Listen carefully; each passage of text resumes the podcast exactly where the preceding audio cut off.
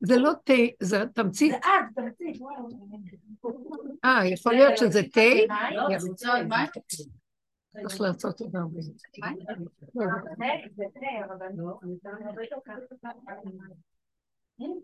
טוב, טוב, חשבתי. מה נשמע יקרות? יש איזו שאלה קודם? כל טוב? מתי כבר עולה? זה הניסוח. כל הזמן אומרים לנו עוד דקה, עוד דקה, אני חשבתי על נקודה. לחשוב אצלנו זה לא עבודה, עבודה זה ליישם את מה שחושבים. מרדכי. כן, כתוב, מרדכי לא יקרא ולא יסתחווה. חשבתי למה גם וגם יקרא ויסתחווה.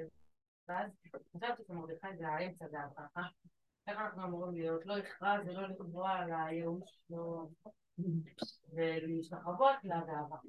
לא את זה ולא את זה. זה אולי זה... מאוד יפה.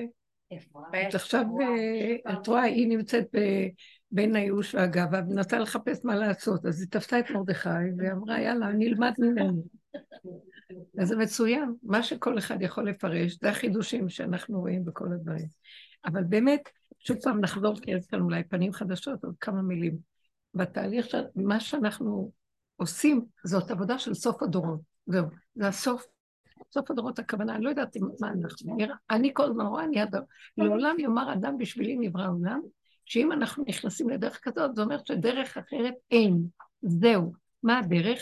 קודם כל להתבונן ולראות שצורת החיים שלנו, החשיבה, איפה שהמוח של האדם נמצא, החשיבה שלו, שם מצבו, החשיבה שלנו גורמת למצוקות, לצרות, לכאבים, כל מה שקורה לנו, גם לסיפוקים ולריגושים הזמניים, שכל הזמן בתהליך המציאות של הטבע, של חשיבת העולם, מתהפכים עלינו. פעם אה, זה עת כזאת ועת כזאת ועת כזאת ועת כזאת. וכל העבודה האחרונה של הסוף, מה נגיד, עבודה ראשונה של הדורות, בררה, אה, אה, בלגן בעולם, בואו ניקח את הטוב מן הרע. בואו ניקח את הטהור מן הטמא, בואו ניקח את המותר מן הסנן. וכל הזמן מבררים, והרבה עבודה במוח ובדינים ועבודת החכמים. ואנחנו נמצאים בחושך, העם הפשוט נמצא בחושך ומקיים מה שאומרים לו. לקראת הסוף יגידו לנו, טוב, זאת העבודה שכל הדורות עשו, עכשיו לקראת הסוף נכנסים לחדר לידה, מה שנקרא. התהליך ההיריון מתחיל להיכנס למדרגה של מימוש מה יש שם סוף סוף בכל החושך הזה, בכל העבודה הגדולה שעשינו, אז אנחנו מתחילים להתבונן שבעצם אנחנו נמצאים בתודעה שהאריזל קורא לה עץ הדת. זאת אומרת, בגלל בעטיו של חטא עץ הדת, צורת החשיבה שלנו היא כזאת, שאנחנו רגע כאלה, רגע כאלה, שאנחנו חושבים שהשני מציאות, שאני מציאות, השני מציאות, אני, אתה, הוא, הם, כאשר באמת אנחנו יודעים אמונה המוחלטת שאין עוד מלבדו. וכל מה שיש פה זה רק מציאות שדרכה הוא מתגלה ומפעיל את מציאותו. לכבודי בראתי, עשיתי ועשיתי את עולמי. זאת אומרת, האדם הוא רק כלי, כלי חשוב, אבל כלי שהשם מתראה דרכו. עכשיו, ברגע שהשם מתראה דרכו, הוא מלך כזה וכזה וכזה וכזה, כל אחד בצורתו, וכל אחד והאופי ומה שהשם נתן לו. אבל זה לא החשיבה של עץ הדעת. זאת אומרת, זה לא חשיבה עצמית. עץ הדת זה הגניבה של מציאות השם, והשתמשו בה כאילו זה אני, הכל כאילו, וייתם כאלוקים, הכל כאילו. אנחנו כל הזמן בכאילו, אז מאיים עלינו, אם אני עכשיו אני, אז השני מאיים עליי, השלישי גם, יש הטיות ויש ריבוי. מה שהיה אחדות השם בתוך האדם בצורה מוחלטת, וכשהוא היה יוצא לא היה מאוים מהשני שלישי, כי אין שני שלישי. כי השני והשלישי והרביעי שקיים בבריאה, הוא תמיד חוזר לאחד, אז האחד תמיד מתחבר עם האחד, ואין ריבוי, ואין פירוט ואין מחלוקת. תודעת עץ הדת חולקת, היא גורמת להפרדה, לריבוי, ואז אם יש ריבוי, אז יש ייאוש ויש גאווה. שניהם זה אותו קו שהוא שורש כל המידות, כל המידות שורשם בגאווה ובייאוש. המידות הרעות, גם המידות הטובות שייכות למידות הרעות. רק אנחנו לוקחים אותן מהרע אל הטוב. עדיין נשארות אותה מידה. זאת אומרת, אני נשאר בגאווה רק ויגבה ליבו בדרכי השם. אני לא בגאווה מול השני, אני בגאווה לא מול השני ברמה פשוטה, אני יותר ממך, אלא אני יותר ממך בגלל שאני עובד את השם ואתה לא. שמעתם? אבל עדיין היא גאווה. והסכנה של הגאווה קיימת גם באותו אחד שעובד השם. וברגע אחד יכול להתחלק לו מעבודת השם ולעמוד מול השני, ואת זה אנחנו רואים למכביר, כי בתוך המחנה של גם כאלה שעובדים ויראי השם והכול, יש להם גם גאווה אחד מול השני, יש להם גאווה, בוא נגיד, אם זו הגאווה שהחזיקה אותם בתוך אה, האומות, אנחנו שונים ויש לנו גאוות יחידה, אז למה זה צריך להיות בתוך, כשאנחנו חזרנו לארצנו, ואנחנו גם פה יש מלא גאווה, יהודי מול יהודי, גם מלא גאווה. לכן, בגלל שזה הולך למקום לא נכון. עכשיו, צד אחד זה הגאווה, אם הולך לו, והוא עושה את מה שהערך שלו בספרייה שלו, של המחשבה אומרת לו, אז טוב לו, אז הוא מתגאה, מרים את עצמו, הוא לא רוצה להתגאות, אבל באמת זה נגנב בלי שהוא ישים לב אפילו.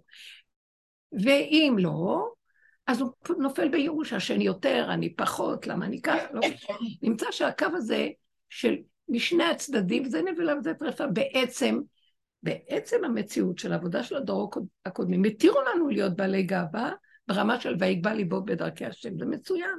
אתה צריך לדעת שאתה יותר מהשני בתוך הגויים ובתוך זה.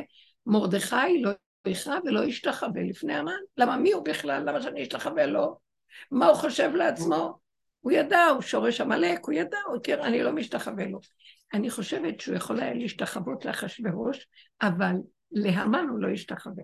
זאת אומרת, שהייתה לו הכנעה להכיר שאם השם המליך את אחשוורוש למלך, אז הוא נכנע מצד שזה רצונו של השם. אז הוא נכנע והשתחווה, לעמלק הוא לא. ומה ההבדל בין אחשוורוש לעמלק? גם אחשוורוש, היא רצתה להגיד, אסתר, אה, במקום שאמרה, המן הרשע הזה, רצה להגיד, אתה המלך הרשע הזה, לא אכפת לה, לא בין זה ולא בין זה. זה נבלה וזה טרפה. ובכל אופן, שמרדכי לא משתחווה בפני עמלק, יש שתי אפשרויות. הוא לא, עדיין יש לו גאווה, רק הוא לא ימסור אותה לעמלק. איך אנחנו יודעים שעדיין יש לו גאווה? שעדיין ויגבה ליבו, הוא אומר לאסתר, את הולכת, בדרכ... את הולכת באיזה תכלית, את הולכת באיזה עבודה, גם מול תלמידי חכמים אחרים, הוא עמד חזק ואמר, אתם לא הולכים דרך נכונה. היה לו איזו התבדלות מסוימת שידע שהם לא עושים נכון. יכול להיות שגם הייתה לו גם גאווה אחרת.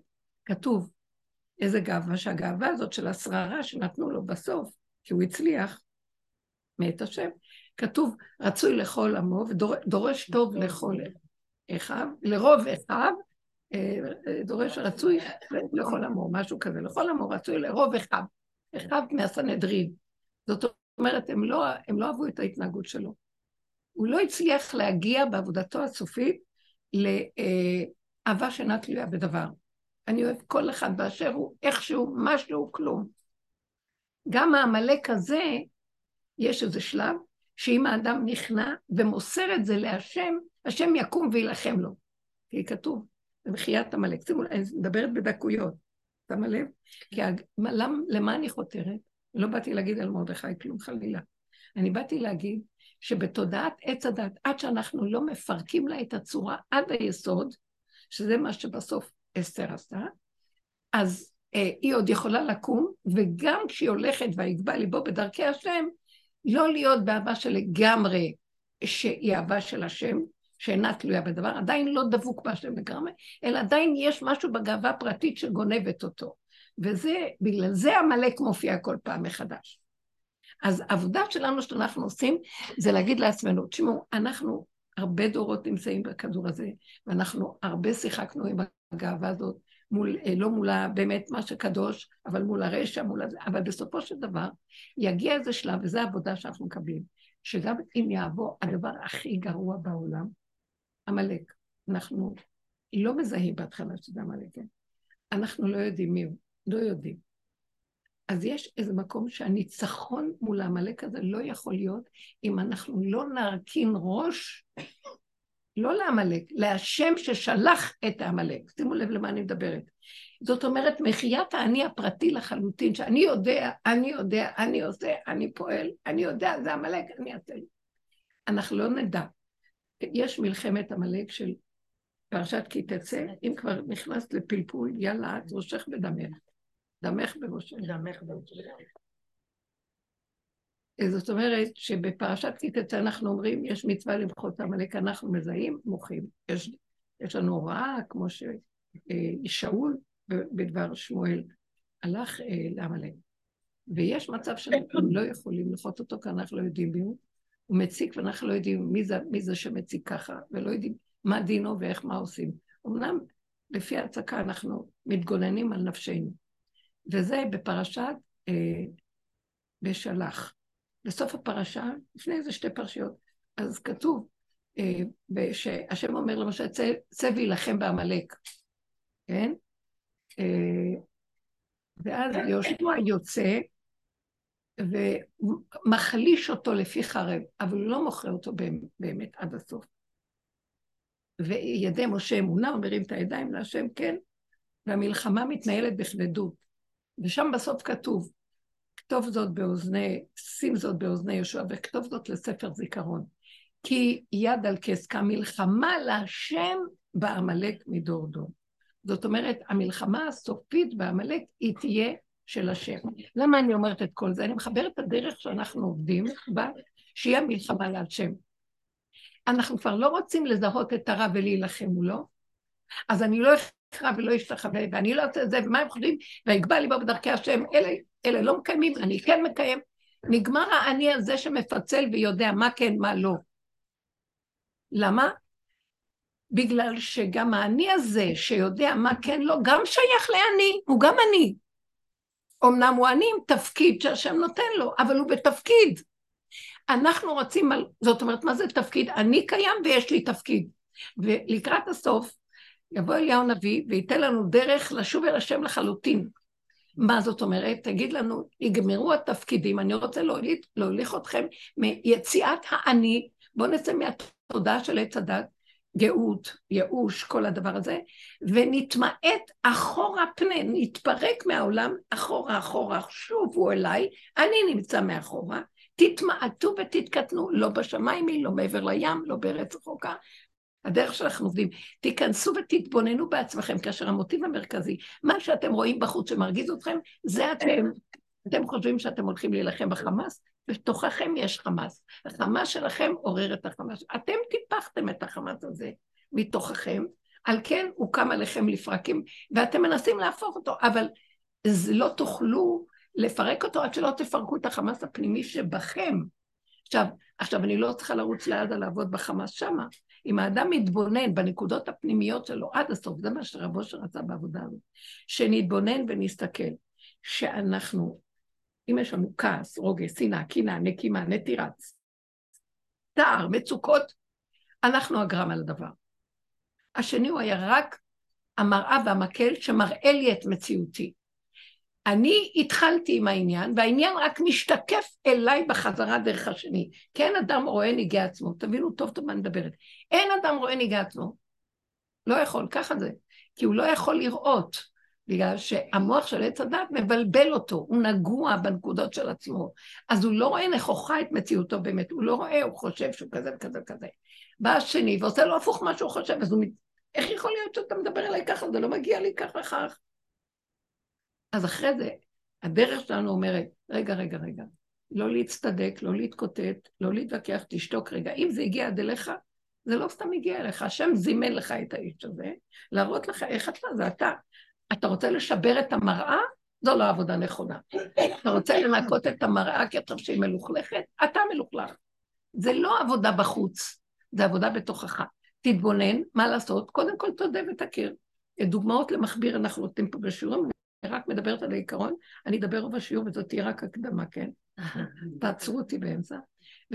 זאת אומרת שהבן אדם יתחיל להתבונן ויעבור לעבודה אחרת. זה לא מהאני הטוב לאני הרע, הוא הולך להצטדק ואומר, ואני, תבינו אותי, זה... הוא מחשיב את השני, רק הוא מנסה להצטדק ולהסביר מי הוא, כדי לסדר לעצמו מעמד ומדור טוב, כי יש לו תפקיד שהוא עובד את השם. ויגבה ליבו בדרכי השם, יש לו לב זה, אבל זה רק מעמד גבוה כדי להמשיך לעשות עבודת השם. פה זה משהו אחר לגמרי, אנחנו רוצים לגלות את מלכות השם. אין מציאות לאדם. לחזור למצב הראשון לפני אכילת עץ הדת. זאת אומרת שהאדם הראשון התהלך בגן העדן, והיה בתוך האור הגנוז, לא היה לו עצמיות של אני.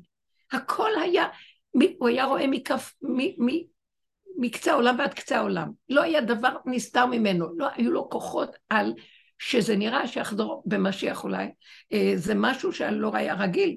זאת אומרת, האור האלוקי קינן בתוכו, ודרכו העיניים ראו, דרכו האוזניים שמעו. הוא לא עבד עם המוח והשכל והדעת והחוכמה העצמית שלו. מבשרו, מתוכו, הכל צף. אז אם מה שאמרנו, תהליך התפקידים, אני קיים ויש לי תפקידים, לקראת הסוף ייגמרו התפקידים, תהליך הפקידה ייגמר בכל הדורות, מה שדיברנו על הפקידה, חז"ל מדברים על תהליך הזכירה, יתקומם מתוכנו משהו שכבר זוכר את הכל ולא צריך להתחשב במוח. הוא לא זה שילך למחות את העמלק. הוא ייקח את הידיים והרגליים וילך למחות את העמלק. אבל זה יהיה השם בתוכו. המלחמה היא של השם בעמלק, השם מתוכו ימחה את העמלק. אנחנו רוצים להביא למצב שיותר אנחנו לא אלו שנעשה את העבודה. אני לא אכרע לפניו, אני כן הזה. מה הוא חושב? לא חושב לו. אני אעבוד חזק, אני אעבוד חזק. כי גלגל חוזר בעולם. מה שאנחנו לא עובדים כבר תשש כוחנו עד מוות, מה שאתמול הרגנו משמאל, מחר יבוא לנו מימין, עוד פעם, עוד מאה כמוהו עוד פעם, ומחדש המלחמה מתחדשת, והיא כבדה עלינו, ואנחנו לא, לא יכולים. האדם בסוף יגיד, אני לא יכול. כאשר עבדתי, עבדתי, זה לא בשבילי, אני לא יכולה לעשות את העבודה הזאת. אי אפשר יותר לעשות עבודה. אי אפשר יותר לתקן את העולם. כי תיקון העולם זה גם דמיון, יש קלקול, יש תיקון, וזה עץ הדעת, דבר והיפוכו. באמת, באמת, אדם הראשון היה שלם, מה היה צריך בכלל לעבוד בשום תיקון ולא תיקון וכן תיקון? אמר להם הנחש, אם תאכלו מעץ הדת, תהיו כמו אלוקים. אבל אלוקים זרם בתוכם, של מה הם צריכים להיות? הוא רצה להפריד אותם מהמציאות של האחדות, ולעשות אותם ישות עצמית אלוקית. אבל זה דמיון, כי אין מציאות, אין עוד מלבדו, הכל נכלל בו, והוא רצה להפריד לו, אתה גם מציאות, ואתה יכול להיות, ואתה מולו תעמוד. אז מהו רחום? אף אתה תהיה רחום. מהו חנון? אף אתה... כל התפיסה הזאת הולכת להיגמר, וזה עוד בתפיסה הטובה. אני לא מדברת על אומות וכל הלכלוך, אני מדברת על תשובה שעם ישראל צריך לעשות באמת. זאת אומרת, אני מדברת על כך שאנחנו צריכים לשאוף עכשיו, בכל עבודתנו זה שלא יישאר מאיתנו שריד ופליט של מציאות. אני. אין דבר כזה. איך אפשר לעבוד עם כזה דבר? אז אנחנו עושים עבודה, מה אליהו יבוא להראות לנו? שאנחנו, מה שלא נעשה, עם כל העבודה שנעשה, אל תכעס, טוב, לא תגנוב, לא תרצח, לא... אנחנו כן כועסים, כן, אה, בבחינה כזאת של רציחה, בחינה כזאת של גניבה, כל מיני בחינות של חמדנות, ניאוף וכל הדבר הזה. המקום הזה שאנחנו מסתכלים עליו, אבל עושים כל כך הרבה עבודה ונזהרים כל כך, ואיך יכול להיות שקרה פתאום ככה? ואנחנו שומעים שמועות של כל מיני אנשים גדולים, שפתאום יש להם נפילות, פתאום מתפרסמים כל מיני דברים קשים. מה קרה פה? השם רוצה להגיד לנו, אתם לא תוכלו לעשות את העבודה בסוף בסוף. אתם תעשו את כל התהליכים, ותשתדלו ותתעקשו, אבל זה יחזור אליכם, אתם יודעים מה? כי זה גלגל חוזר בעולם. עץ הדת, אין לו תיקון, אין לו תקנה, מעוות לא יוכל לתקון, וחיסרון לא יוכל להימנות. אין דבר כזה לתקן אותו. וזה כל הגלות שלנו, שהכנסנו את הראש בתוך הדבר הזה, אמר לנו, תאכלו אותה, תרימו את השק, אבל אין יציאה ממנו, אין העתיר מציר עצמו בבית האסורים. אז מאיפה נצא? כשנתעייף עד מוות, ונכיר אחרי עבודה מאומצת מאוד, שזה אני, אני, אני, זה לא השני, זה לא כלום. גם אני לא יכול לתת מהאני הזה יותר.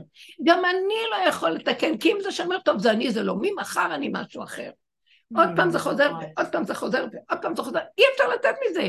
זה מלכוד. אז האדם הזה ברוב ייאושו וכאבו, זה כמו אסתר, צועקת להשם, אז די, כאשר עבדתי, עבדתי, אני לא יכולה יותר כלום. אנחנו לא מסוגלים. להגיע להכרה שלא יכולים יותר לזה השם מחכה. והוא יקום, והוא ימחוק את העמלק בסוף. אין מציאות שאדם יכול לעשות את זה. אין דבר כזה. אה, גם בכל הדורות, גם אה, שמואל, שאול לא הצליח, להדיה, עוד מצטדק, כי הוא רוצה להיות בסדר. דוד המלך גם מכה את עמלק, זה לא נגמר בכל הדורות, כל הגלויות. תסתכלו מה קורה עכשיו.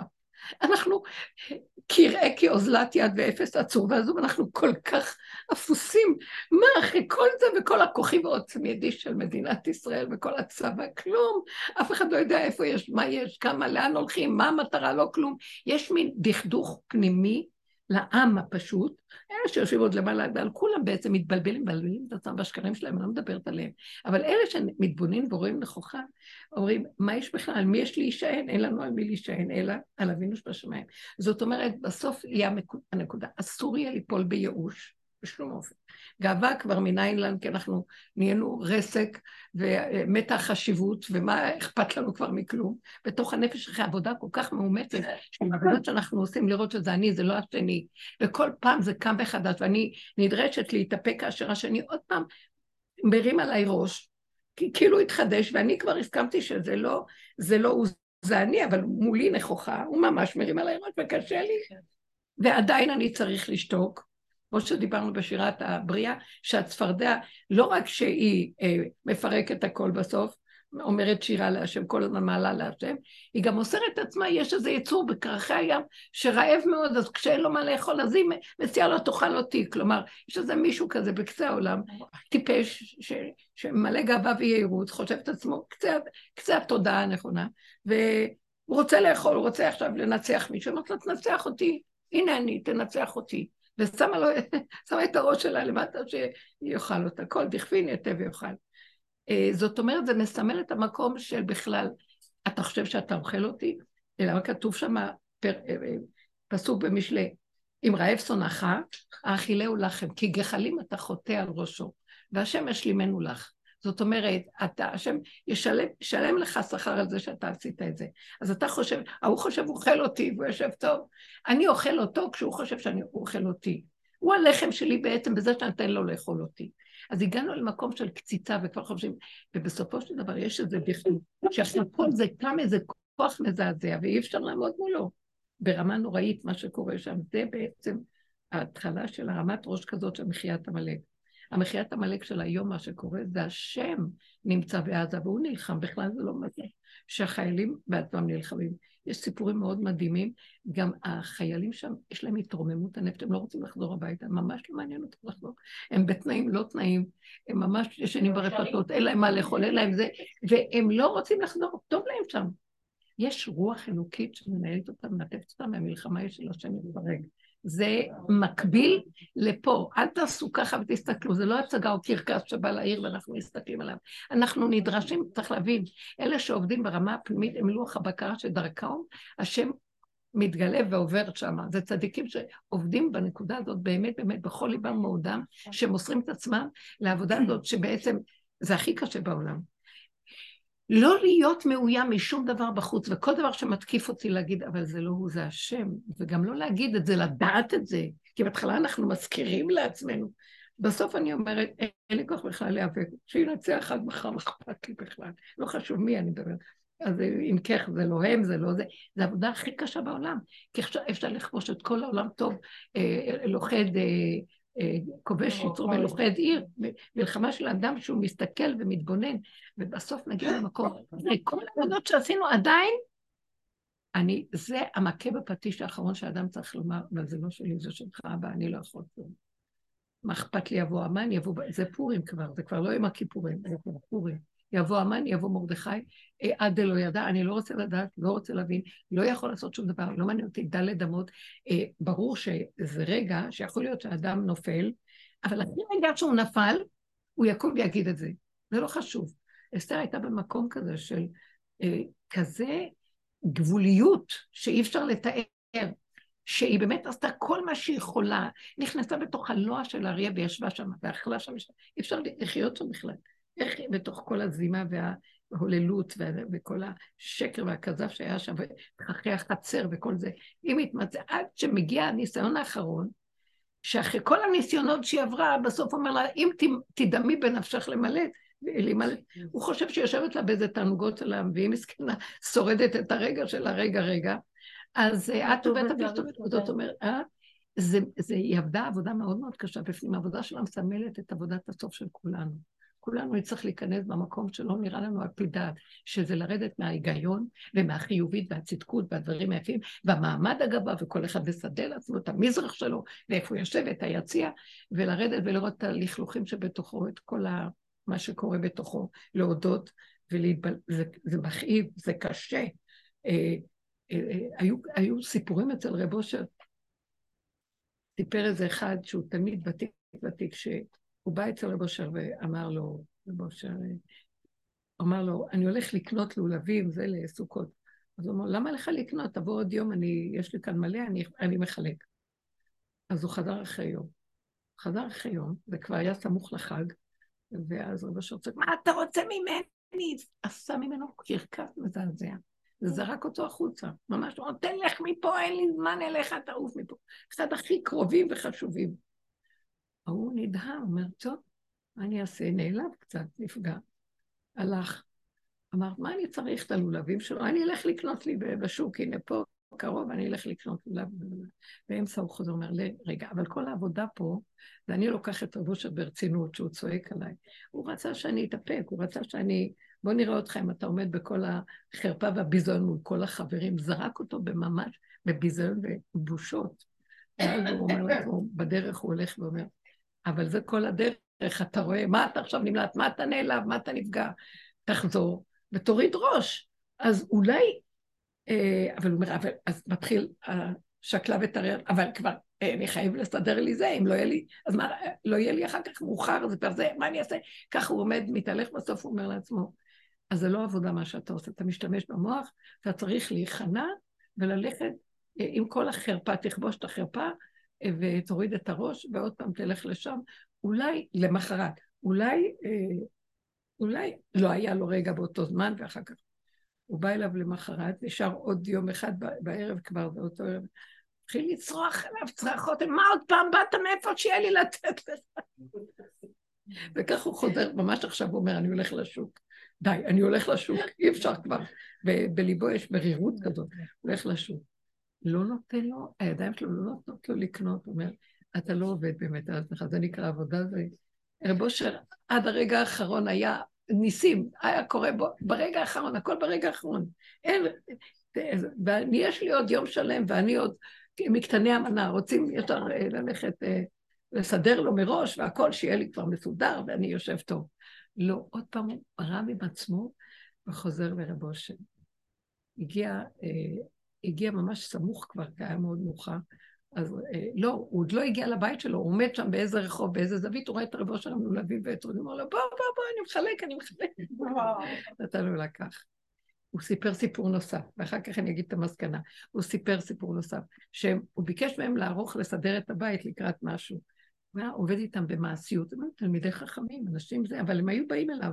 אז הוא אומר, עכשיו תערכו לי את השולחן ככה, וסדרו את זה, כי זה היה ערב פסח. אז בבוקר, אז, אז הם סידרו, היו שם שני חבר'ה רציניים, אני מכירה אותם ממש, תלמידי חכמים. ואז אה, אחרי שסידרו הכל מאוד יפה וזה, אז הוא התחיל לצעוק עליהם, מה עשיתם? איך אתם מסדרים? הפך להם את כל השולחן, פרק להם את הכל, טיפשים, אתם לא יודעים לסדר כלום, ביזה אותם ברמות. הם היו עמומים. טוב, אז אחד עוד אומר, אחד אומר, בוא נברח, בוא נברח מהאש שלו, אנחנו לא, בוא נברח. לא, נשארו עוד פעם. אז אומר להם, אה, אחרי, אחד מהם אומר, תראו, זה, הוא מנסה אותנו פשוט. אז איך אתה רוצה, הוא אמר לו, איך אתה רוצה שנסדר?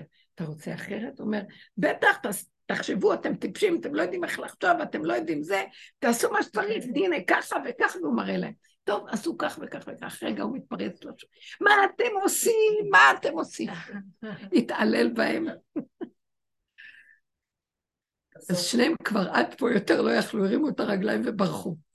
ואז הוא יצא אחריהם ואמר להם, אתם בורחים? איפה אהבה שאינה תלויה בדבר? איפה, איך תגיעו למדרגה הזאת אם אתם בורחים ממני ונשברים? איפה אתם? מה אתם עושים פה? מה אני מדבר שנים? בואו נראה אתכם.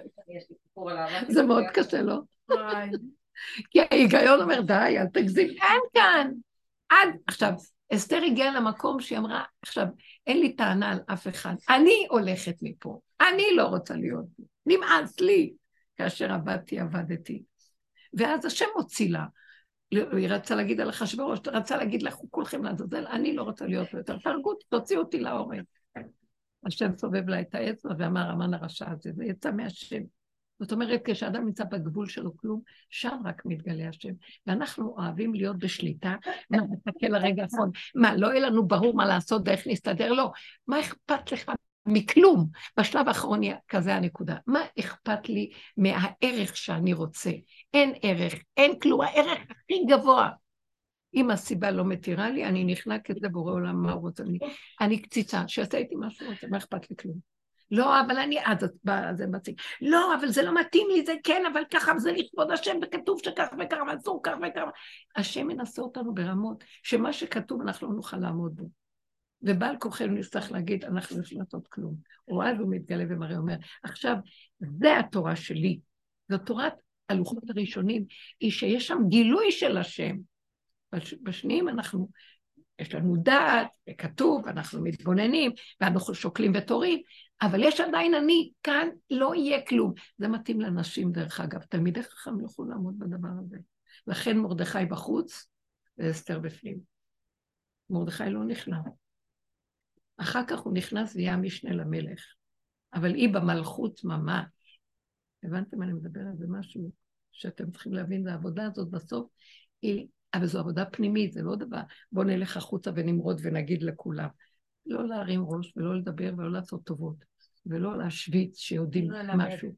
לעבוד עם זה רגע, רגע. הערכים מספיק עצובים שיש לנו, בואו נראה איך הם מתפרקים לנו מול העיניים, ואנחנו לא נצא לגאול את כבודנו ואת כבוד הערך, ולהסביר ולהצטדק ולהגיד, נשתוק ונסתכל פנימה ונראה שאנחנו, זה הגאווה שלנו מקשקשת לנו, והמצוקה הנוראית שיש לנו זה בגלל שהשפילו אותנו, וזה הגאווה והישות שזה יסוד האני הגנוב, במקום הגנוז נהיה אני גנוב, אתם מבינים? נגנב. ואז המקום הזה להודות ולהגיד, אני מתפרק, לא אכפת לי כלום, שיעשו איתי מה שרוצים. אני לא יכול יותר כלום. כי המוח מבלבל אותי, אני לא מוכן להיכנס בו, אני לא מוכן לעשות את המלחמה של צודק, לא צודק, נכון, לא נכון, טמא טהור, מותר, אסור. אני כבר מתבלבל ולא ידעתי, נתתי את עצמי עד, החזקתי את המוח שלי כמה שאני יכול עוד לשמור מה שרוצים ממנו, הגענו למקום שגם זה לוקחים ממני, אני לא יכול כלום. המקום הזה, זה השם רוצה בסוף את הבני אדם. שמתם לב, התהליך של הדרך, אליהו הנביא אומר, וכתוב בתורה, ושבת עד השם אלוקיך, פרשת ניצבים. ושבת עד השם אלוקיך, פירושו של דבר, שתהיה כזאת תשובה, לא תסור מרע ועשה טוב, תנפה ותשוב מפה לפה, כי זה עדיין בתוך העץ של הדואליות זה מול זה, אלא תשוב עד הסוף, אין לך כלום, כשאתה בגבול ואין לך כלום, או אז שמה יכול להתגלות המציאות של השם, רק איפה שאתה לא לגמרי, זה מאוד קשה דבר. זה התאבדות, זה יסוד ההתאבדות השלמי. זה יסוד ההתאבדות. מה? כאילו זה כמו באמת זה למסור את החיים באיזשהו מקום. כאילו שאת חיה עכשיו. יאללה, איזה ערך יש לנו מהחיים האלה, אנחנו רבים עליהם, מתים עליהם, ואנחנו מתים כל רגע, ואנחנו גם נורא נריב על החיים האלה. ובאמת, זה אינסטינקט, ואת האינסטינקט הזה צריכים לנצח. אני אומרת, איך אני אנצח אינסטינקט של מוות? של תחושה, או משהו במוח שנותן לי? איך אפשר לעשות? האדם כשהוא מתבונן בעצמו ורואה את הפשטות שלו, רגע, רגע, רגע, וחוזר לאחורה ורואה, הוא כל רגע מת, זה בעצם בחינת מיתה. הוא נבהל ממה שהוא רואה, יש לו איזה... זה ממית ומחיה, ממית ומחיה, ממית ומחיה.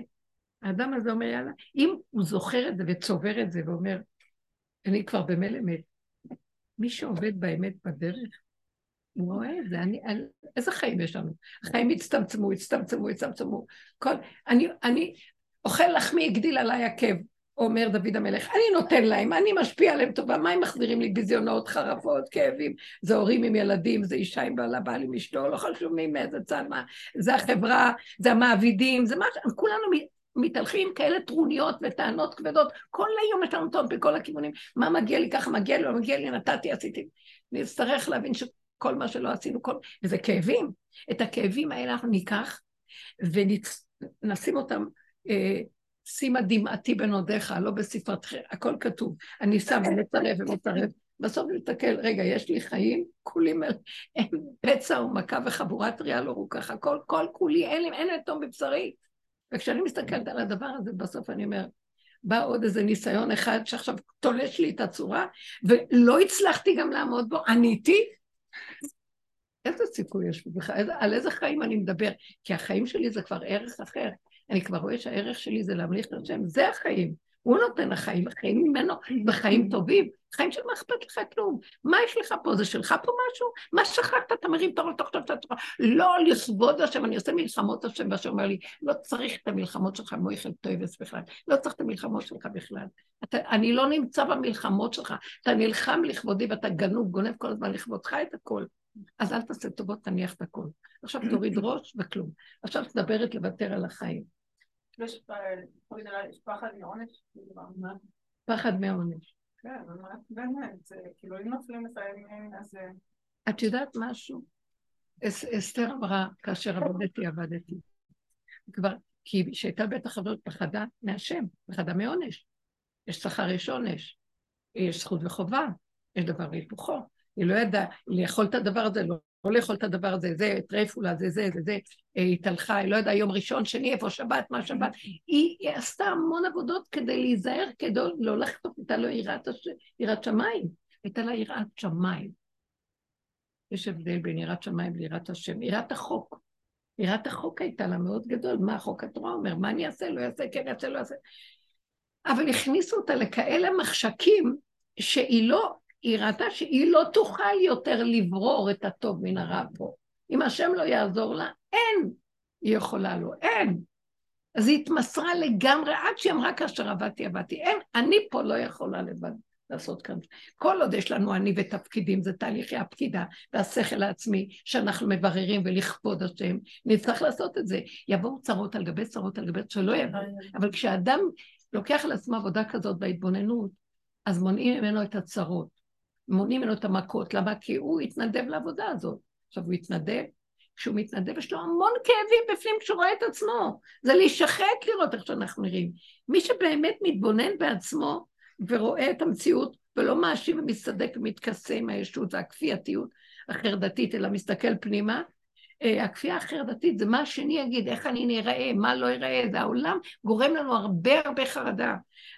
ושהוא יגיע רק לחרדה מהשם באמת, וגם את החרדה מהשם יגיד לו, תהרוג אותי, לא רוצה גם לפחד ממך. שמעתם? עד הסוף. כי אני, אתה מכריח אותי שאני לא אפחד. אז תהרוג אותי, נגמר הכל. אני כבר לא מפחד מכלום. שם הוא מתגלה ואומר, אהבתי, איך עושים לייק? אהבתי. למה? כי אתה באמת התמסרת עד הסוף. כי החלק הראשון של כל הגלות זה לברר עם האני שלנו. החלק השני, תמסרו לי גם את האני הצדיק, כתוב אליהו הנביא יבוא, להחזיר את הצדיקים בתשובה. לא את הרשעים, רשעים הצדיקים מחזירים בתשובה. אבל את הצדיקים צריך להחזיר להשם, והשבת עד השם אלוקיך אחורה. תשובו, השיבה היא בדרך כלל אחורה. תשובו עד השם, כי הוא נמצא, השכינה נמצאת בתוכנו, ואנחנו בגלות, תודה. אנחנו בגלות איומה שלא נגמרת, מי יקים אותה? מי יצא? מי יוציא אותה? עכשיו בוא ניתן דוגמאות. גם את רצית להגיד משהו, שירה. אה, נו, מה רצית, רבקה? תגידי. לא, אני שואלת שאלה, לא קשור לדוגמה, אני רוצה כן. דוגמה קודם. תודה רבה, תודה. זה בסדר. אה, סליחה. תודה רבה, מיכל. דיברתי על זה עם הרבנית, הייתה לי איזה דוגמה ממש קשה. כן. הרבנית אמרה לי שזה שאינה תלויה בדבר. אה, יש לי איזה מישהי שהתחילה את הדרך שלה בלימודי משפטים, ואני מאוד אוהבת את ההורים שלה. אז לימדתי אותה הכל, כאילו, אה. ממש, ישבתי. שירה היא עורכת דין, אז... לא, בקיצור, כל מה שהיא רק התקשרה אליי, אמרתי לה, תעשי ככה, תעשי ככה, וממש, כאילו, ברחל מבחה קטנה, אני אמרתי לה, אין, אני אוהבת כאילו להעביר את זה הלאה. לא, גם זה קטע אחר כזה, אני מרגישה שאנחנו בנישה שלנו מביאים נישה אחרת לתיקי משפחה. זה לא להוציא את הג'יפה, זה לעשות את זה בעקיפין, כאילו, לכבד את זה, לרומם את זה. בקיצור, לא משנה, אז ממש הבאתי לה הכל, גם התייעצה איתי בזוגיות שלה היה לה סיפור מאוד קשה, ועזרתי לה, וכאילו הייתי שומרת סוד, כאילו לא דיברתי. בקיצור זהו. ואז היה לי איזה תיק, שתיק סתם פשוט, והתחלפו פה כבר שלושה עורכי דין בצד השני.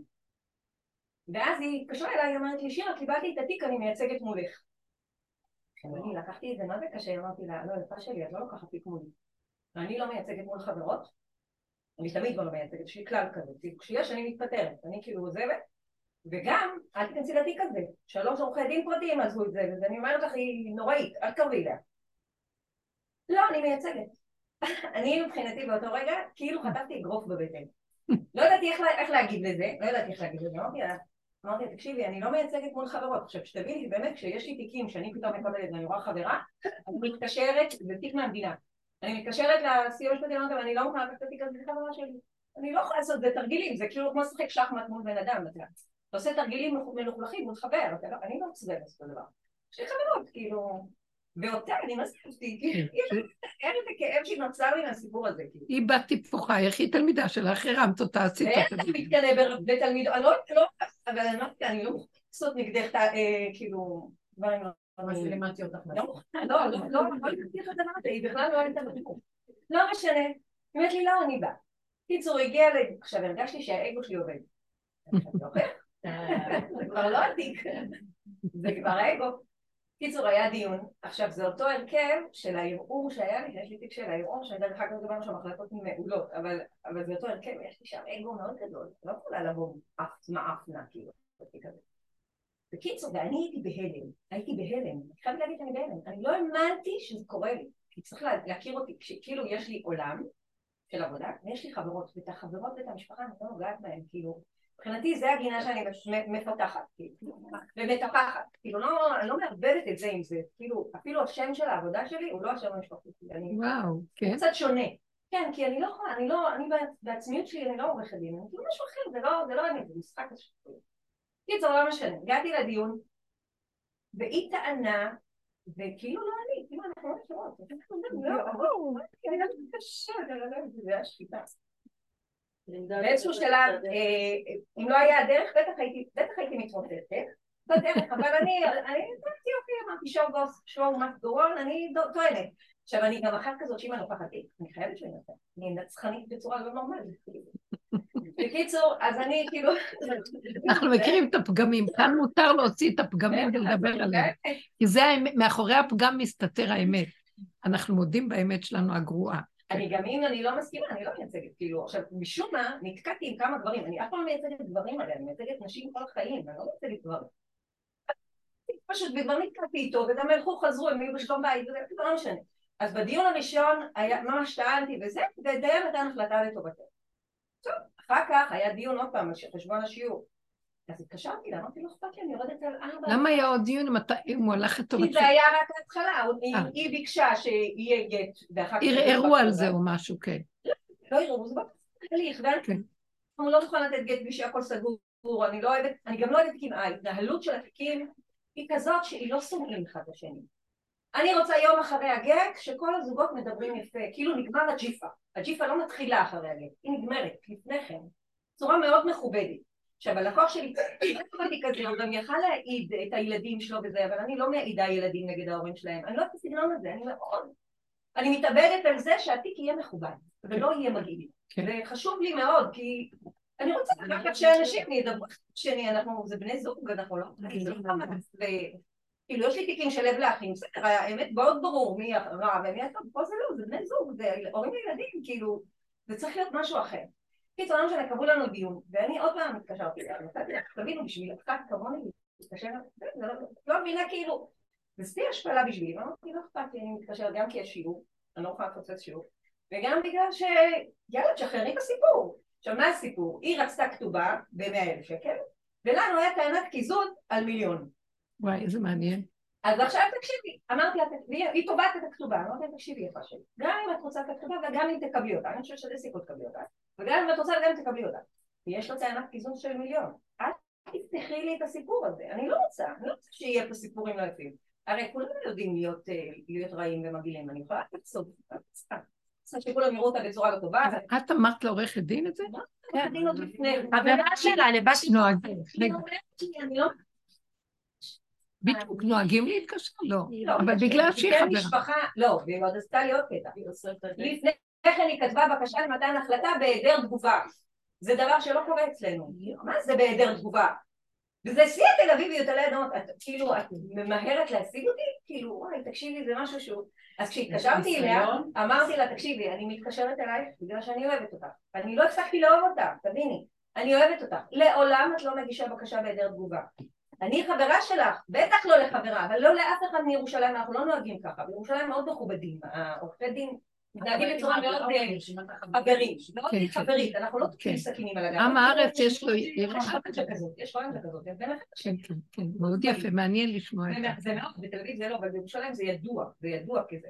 תראה, אנחנו לא, אם יראו אותך עושה את זה, את יוצאת ממעגל החברים, תיזהרי, אל תעשי את זה. אומרת לי, טוב, טוב לדעת, היא לא אומרת בסדר, סליחה, אין, אני לא בסדר, סליחה, טוב לדעת. אוקיי, אני מוכרת, אני אוהבת אותך וזה, אבל אוקיי, בואי תקשיבי לגבי התיק, בואי נעשה ככה, אני לא רוצה לפסוק, אני לא רוצה להעיד את הילדים שלהם. יש לי פה טענות, יש לי סיפורים, אני לא רוצה טענות. עכשיו אני לאורך השנים עומדת בזה, והקדוש ברוך הוא כאילו איתי בזה, כאילו אני לא רוצה להוציא את הג'יפה. אבל אני לעולם, אף אחד לא אומרת לו בפרונט אני לא רוצה להוציא, כאילו זה, זה משהו שאני מסתירה, כאילו אם ידעו שאתה לא רוצה, אז. קיצור לא משנה, אז דיברתי עם הרבנית על זה לפני כן, כי הרבנית אה, אמרתי, תקשיבי, אני שבורה מזה, אני לא יודעת מה לעשות, אני כאילו מרגישה שאני אלחמת, והיא קוראת משפחה גם עכשיו, של אחותי. אז אה, אני הרגשתי שאני לא, לא, לא, זה גדול עליי, כאילו, לא גדול עליי, אני לא מסוגלת. אז הרבנית אמרה לי, יש לך ניסיון של אהבה שאינה תלויה בדבר. תתעלמי, תגידי לרב אושר לבוא. קיצור, הדיבורים של הרבנית חיזקו אותי מאוד. בלי זה לא הייתי מגיעה. לא, לא יודעת איך הייתי, לא יודעת מה הייתי עושה. קיצור, הגעתי לדיון, עכשיו אני מחכה, מחכים, עכשיו מחכים בבית הדין, אבל לא שעתיים, בזמן הזה יש שיעור, תבינו בנות. קיצור, יש שיעור, אני יושבת בחוץ, ואז אחותי, אני מדברת עם אחותי, אז אה, אחותי גם שומעת. אז היא אומרת, אה, טוב, מחכים לרב אושר כנראה, אמרתי לה, וואלה, רב אושר היה שם איזה הלך כזה חסידי, שמסתובב ומתחיל לחלק כל מיני ממתקים אחד לשני, ולא ולא ברור כאילו איך הוא מתנהל, זה היה כאילו לא בטבע. כמו שוטה כזה. שוטה לגמרי. הוא אומר לו, אני צריך להיכנס לדיון. הוא אומר לו, לא, אין לך דיון. אבל אני צריך, והוא הולך, ובא עם איזה אישה לא נורמלית עוד יותר. כאילו, זה הפך להיות בדיחת האירוע שם, כל הדיונים בחוץ, אנחנו נשפכים להם. ואז כשהיא אמרה לי את זה, אמרתי, וואלה, זה הוא כאילו.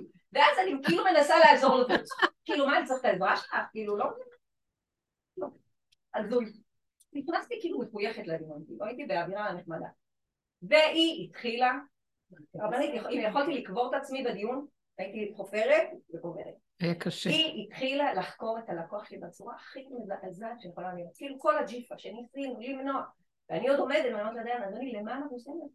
גם אם היא צודקת ב-200 אחוזים, למה אנחנו רוצים? למה אנחנו רוצים את זה? יש פה קיזוז. לא. היא החלטנו שיש דיון, והיא רוצה להגיד, היא רוצה, היא תגיד. וואו.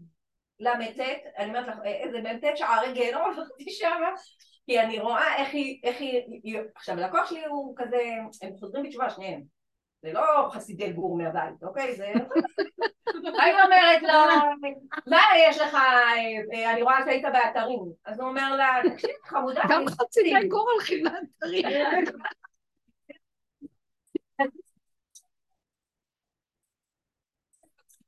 לא שמעון בן יעקב, אני לא שמעון בן יעקב, אני אולי דומה לשכם בן חמור, אבל אני לא... וואי. ועוד אני מסתכלת ואומר לה, אבל צריכה לדעת שזה כל זה היה בתקופת הפירוד, זה לא בתקופת הנישואים, אנחנו כבר פרודים חמש שנים. אנחנו בעלי תשובה, מה זאת אומרת? זה לא אמרתי שאלתי סביב, אנחנו נשארנו כאילו,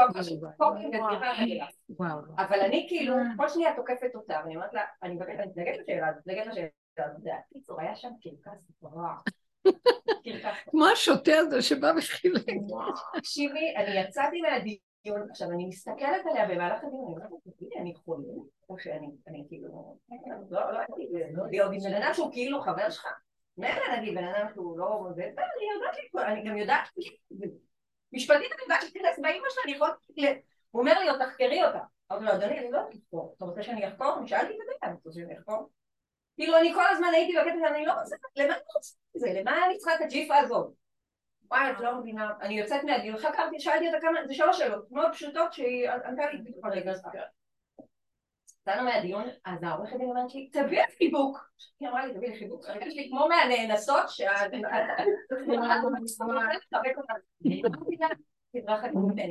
חברות שלי לא מתנהגות. כאילו, אני הייתי באגו של החיים, לא דרך ולא שמדע. אבל זה הגבולות שלך.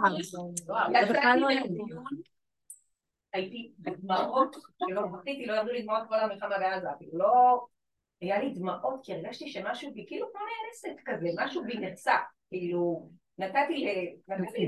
למה אנחנו מגיעים לתכלית? ואז דיברתי עם הרבנית, והרבנית הרגיעה אותי בתוך עשר שניות, לא יאמן כמה הדרך הזאת יכולה בעשר שניות כאילו להרגיע, כאילו... לא משנה, אחר כך בטבע... לא, מה היא אמרה לך? חשוב מאוד העשר שניות האלה. הן מוקלטות. נו. לא זוכרת. לא זוכרת, אני לא זוכרת מהרגע לרגע, אני גם... היא אמרה לי שזה היה... ושאני לא אחשוב שאני אמרתי. הוא ניסה להבל את הסיפור. אמר מראש, אל תתייחסי, תעשי את ההצגה, זה לא באמת, את לוקחת את זה יותר מדי ברצינות כבר. לוקחת את הסיפור פה יותר מדי ברצינות. כאילו, האגו התלבש פה, האגו, כן. הנעלבות, שזה כך, המוח מספר לך סיפור, היא קרובה, היא לא נתתי לה, עשיתי לה, אבל זה מה שהיא קיבלה, זה מה שהפיל אותה. המוח הזה, המשקיף אחורה ועושה סיפור, עשיתי, נתתי, אמרתי, זה מה שמגיע לי, המסכנות והרחמנות העצמית והגאווה והישות. וגם אה, הבהלה מהג'יפה. כאילו, לא, יצא הבעלת הג'יפה היא כן מקום של הדרך. כי היא באמת יש לה איזה הגינות, היא אומרת, יש לי הגינות מוסרית פשוטה, לא להעלות מה שלא צריך, למה, למה לצייר את הנשים ולבייש אותם לפני כולם סתם? זה יראה, דווקא אהבתי, זה יראה. יראה מפני השם, מה שלא צריך ולא נדרש לעניין, למה לחשוף? ההיא השתמשה בכל מכל כל כדי, כי כנראה טירונית, רצתה להצליח, לא, זרקה היה פה היה פה של הצגה. הכל התנגד. רגע, זה טוב ההתנגדות, נו מה היה? לא, זה מה שהרבנית אמרה לי להבדיל בזה. אז אמרתי, אוקיי, אני נרגעתי. שכחתי מזה, אמרתי, זהו, אני שוכחת, אני גם... אה, הדרך חוזרת לך לסגור את המוח, זהו, לא היה, כאילו היה... אמרתי, מה אני ולהגיד? ללקוח הזה וללקוח הזה, מה זה הסיפור המפגר הזה גם לי? טיפול אותי כאילו מאוד פשוט, הם חיים יפה ואני לא יודעת, אבל לא, לי. אי אפשר לייצג הצד השלישי אם הוא מתערבב רגשית, זה קשה. ואני מתערבבת, הדרך הצילה אותי כן, מלהתערבב. כן. אוקיי, קמתי באמצע הלילה, הכנתי תגובה לבית הדין. כאילו, כתבתי בבית הדין את כל הסיפור. מה אני, ומה אני, אמרתי, מה היה מקום ההצגה הזאת עכשיו? אה, כאילו, זה היה הוכחה שהיא יודעת עליו דברים, זה לא מעניין אותנו. כאילו, קיצור, לא משנה, כתבתי את זה, ואז אבן הגולה מעל ליבי, כי עשיתי את זה ממש באמצע, כאילו, עכשיו, כל הלילה, אני קמה, כותבת עוד משפט, קמה, כותבת עוד משפט, אני קמה, תייסר אותי. לא משנה, כתבתי את זה לבית הדין, בית הדין רשם, אה, וכתבתי, אם אין ברירה, אנחנו נבקש להעיד את הילדים, אבל אני ממש מבקשת לא להעיד אותם, כי אין לזה. אז בית הדין נתן איזושהי החלטה שהם אי אפשר כרגע להביא עוד עדים, ואם הם יחליטו בכל מקרה לחייב אותה בכתובה, אז הם יקפיאו את זה עד לתביעת אה, רכוש, שזו החלטה ככה, כאילו, אתה אומר, למה אתה צריך כן. לעשות את זה, בוא תלך ככה, מה הסיפור? קיצור, לא משנה, מאז נרגעתי, אבל מבחינתי זה היה ניסיון גדול של אהבה שאין לה דבר. כאילו, אני אומרת לעצמי, את חושבת שאת אה, אין לך רגש ואת הכל בסדר. שאת אוהבת, הלכתי למות. אז זה, זה השחיטה של הצדקות, הצד החיובי שבך, שזה את תמיד הולכת על החיובי, אני חברה טובה, יש לי מוסר, אני משפיעה, אני נותנת, נתתי לה מה שלא, מה שלא נוהגים בדרך כלל לעשות, לימדת אותה, במקצוע זה כל. אני כאילו... ובסוף, כי את אומרת, בסופו של דבר, למה האדם עושה את זה? כי אני אוהבת, כי אני מוסרית, כי אני באמת יודעת לתת מעצמי, כי, כן, כי, כי, כי, לחברו. בוא נראה, שמענו אותך, בוא נראה עכשיו במבחן המציאות, את יודעת לתת? את באמת נותנת למרפא ממה שנתת, באמת אין לך שייכות לשום דבר, באמת את צדיקה, או שאת צדיקה שהאגו שם, המוסר הזה מגביה את האגו שלי, ואז אני צדיקה ברמה שאני אומרת, אבל אני, כן, כל המהלך הזה, הוא שלח לך את השוטה הזה לפני כן תהיי פשוטה כמוהו, תחלקי, תעשי, תתני. לא, הרצינות, כאן פשוט שחטו. לה, יש כאן איזו נקודה של באמת, באמת, מה, הניסיון הקשה הזה, היא עבדה, היא עברה שעתיים של צירוף רציני בכלל, כל הסיפור של התיק הזה, זה שחיטה. אתם רואים? האדם הזה עכשיו, עברת את ה... אל תשכחי, זכור את אשר עשה לך עמלק, לא לשכוח. תצרפי את זה אחד לאחד לאחד לאחד לאחד. אין לי חיים. אחרי כל האיסורים האלה שעברת, או זה ועוד אחד ועוד כל מיני בחיים, תצרפו. אל תשכחו. כמובן שאחר כך באות ההודעות, אני מתה עלייך, אני מעולם לא זה, כאילו שאני אפילו לא הגבתי, אני לא הבנתי כאילו ממנה, היא כתבה לי מלא הודעות, אם הייתי יודעת שזה יהיה לך כואב. וואי וואי. היא התאבדה עליי. אבל תקשיבי. לא, לא, לא, זה בסדר, היא משקפת לך כמה יש לך סערה ורגש. גם בצורה של הדיבור, גם בכולנו. כמה יש בנו המון רגש וסערה ושייכות עצמית, גחמות ונגיעות עצמיות, שוחדים, אינטרסים, מה שנקרא. ובעצם אנחנו מייצגים מאוד מוסרית הכול. יש אומר, כולכם תזוזו, תפנו את כל המשרות, תצאו, אני הולך להתגלות, פרק לכם את זה, וימותו כל המגדלים, ימותו כל יושבי, כן, כל מוסדות ארץ. אני השם מתגלה. זאת אמת אחרת, זה מסוג אחר, זה אמת לא נגועה. זה אמת שהיא כוללת את שני הדברים, וגם לא גם לא זה וגם לא זה. את מבינה? זה משהו אחר. הקו השלישי כשהוא מתגלה, הוא לא השכל וההיגיון שלנו. השחיטה שעברת זה לשחוט לך את, ה, את הימניות, יש לך, ימניות חזקה של מוסר, של צדקיות, של טוב, של זה, של...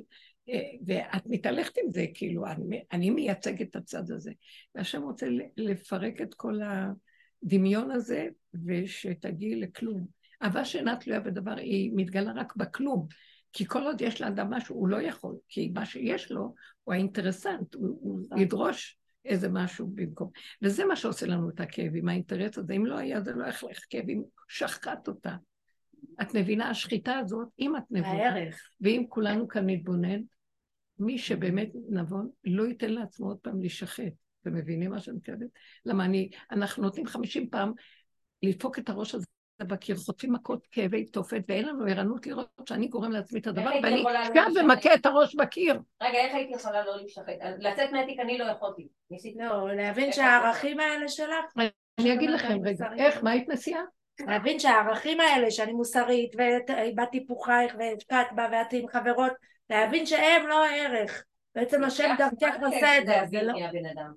אני אגיד לך מה, אני אגיד לך מה, הרצינות והחשיבות העצמית שאנחנו לוקחים פה את החיים בעוכרינו.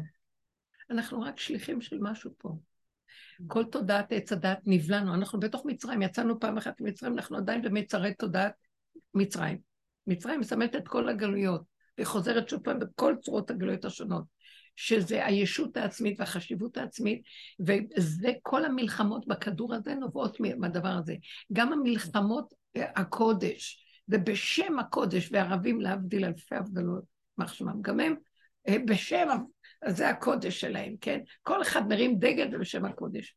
ובסופו של דבר משיח הביא שלום. אין, אין שום קודש ואין שום דבר. הקודש הכי גדול הוא גילוי השם, והשם יילחם לכם ואתם תחישו, כי זו מלחמה של השם, זה לא שלנו. האדם, ברגע שעושה את המלחמה, זה תמיד מהתודעה של הגניבה העצמית והתחושה הישותית, והוא צריך למסור את הכל להשם.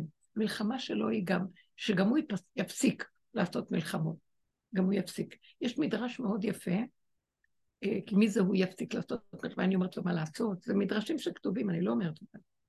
יש הנהגה שהיא שייכת לעולם, שהיא הנהגה של זכות וחובה, שכר ועונש, שאם לא היה ככה, העולם היה הפקר והיה חשוב שתהיה הנהגה, שזה תורת משה, כך, כך כתוב, שזה הנהגה של השכר ועונש, ושאדם מתיירא. ויש הנהגה אה, למעלה מזה, שהיא י"ג מידות הרחמים, שנותן לרעים ולטובים, שזה שעה שהשם אומר, זהו, אני רואה שכולם בסופו של דבר אה, נעצרים ורואים את עצמם, הם, הם לא יודעים אפילו, הם רק עזובים ונראים חסרי אונים, אז אני הולך לרחם להם. וכמו שאדם נראה ביום הכיפורים בסוף, שמוט כזה ואין לו כוח לכלום יותר, אז הוא מתגלה ונותן לו בחינם הכל, חסד בחינם. כאילו מה שאנחנו עושים פה, מגיע לנו. גם מה שאנחנו עושים פה, הכל גנוב.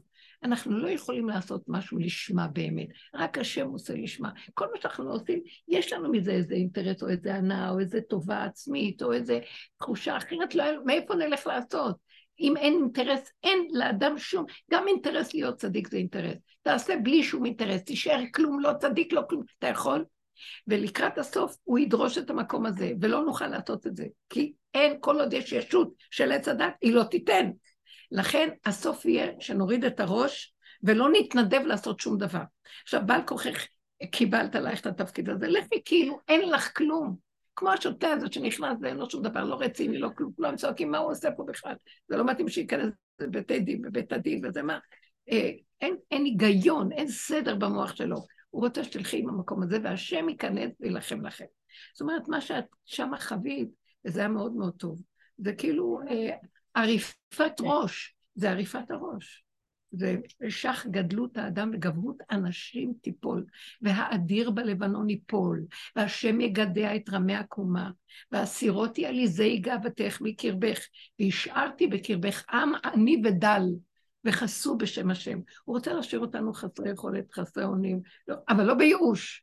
כי ישר הייאוש יתגנב ויגיד, אה, אם אני חסר אונים, אז מה כן, אני...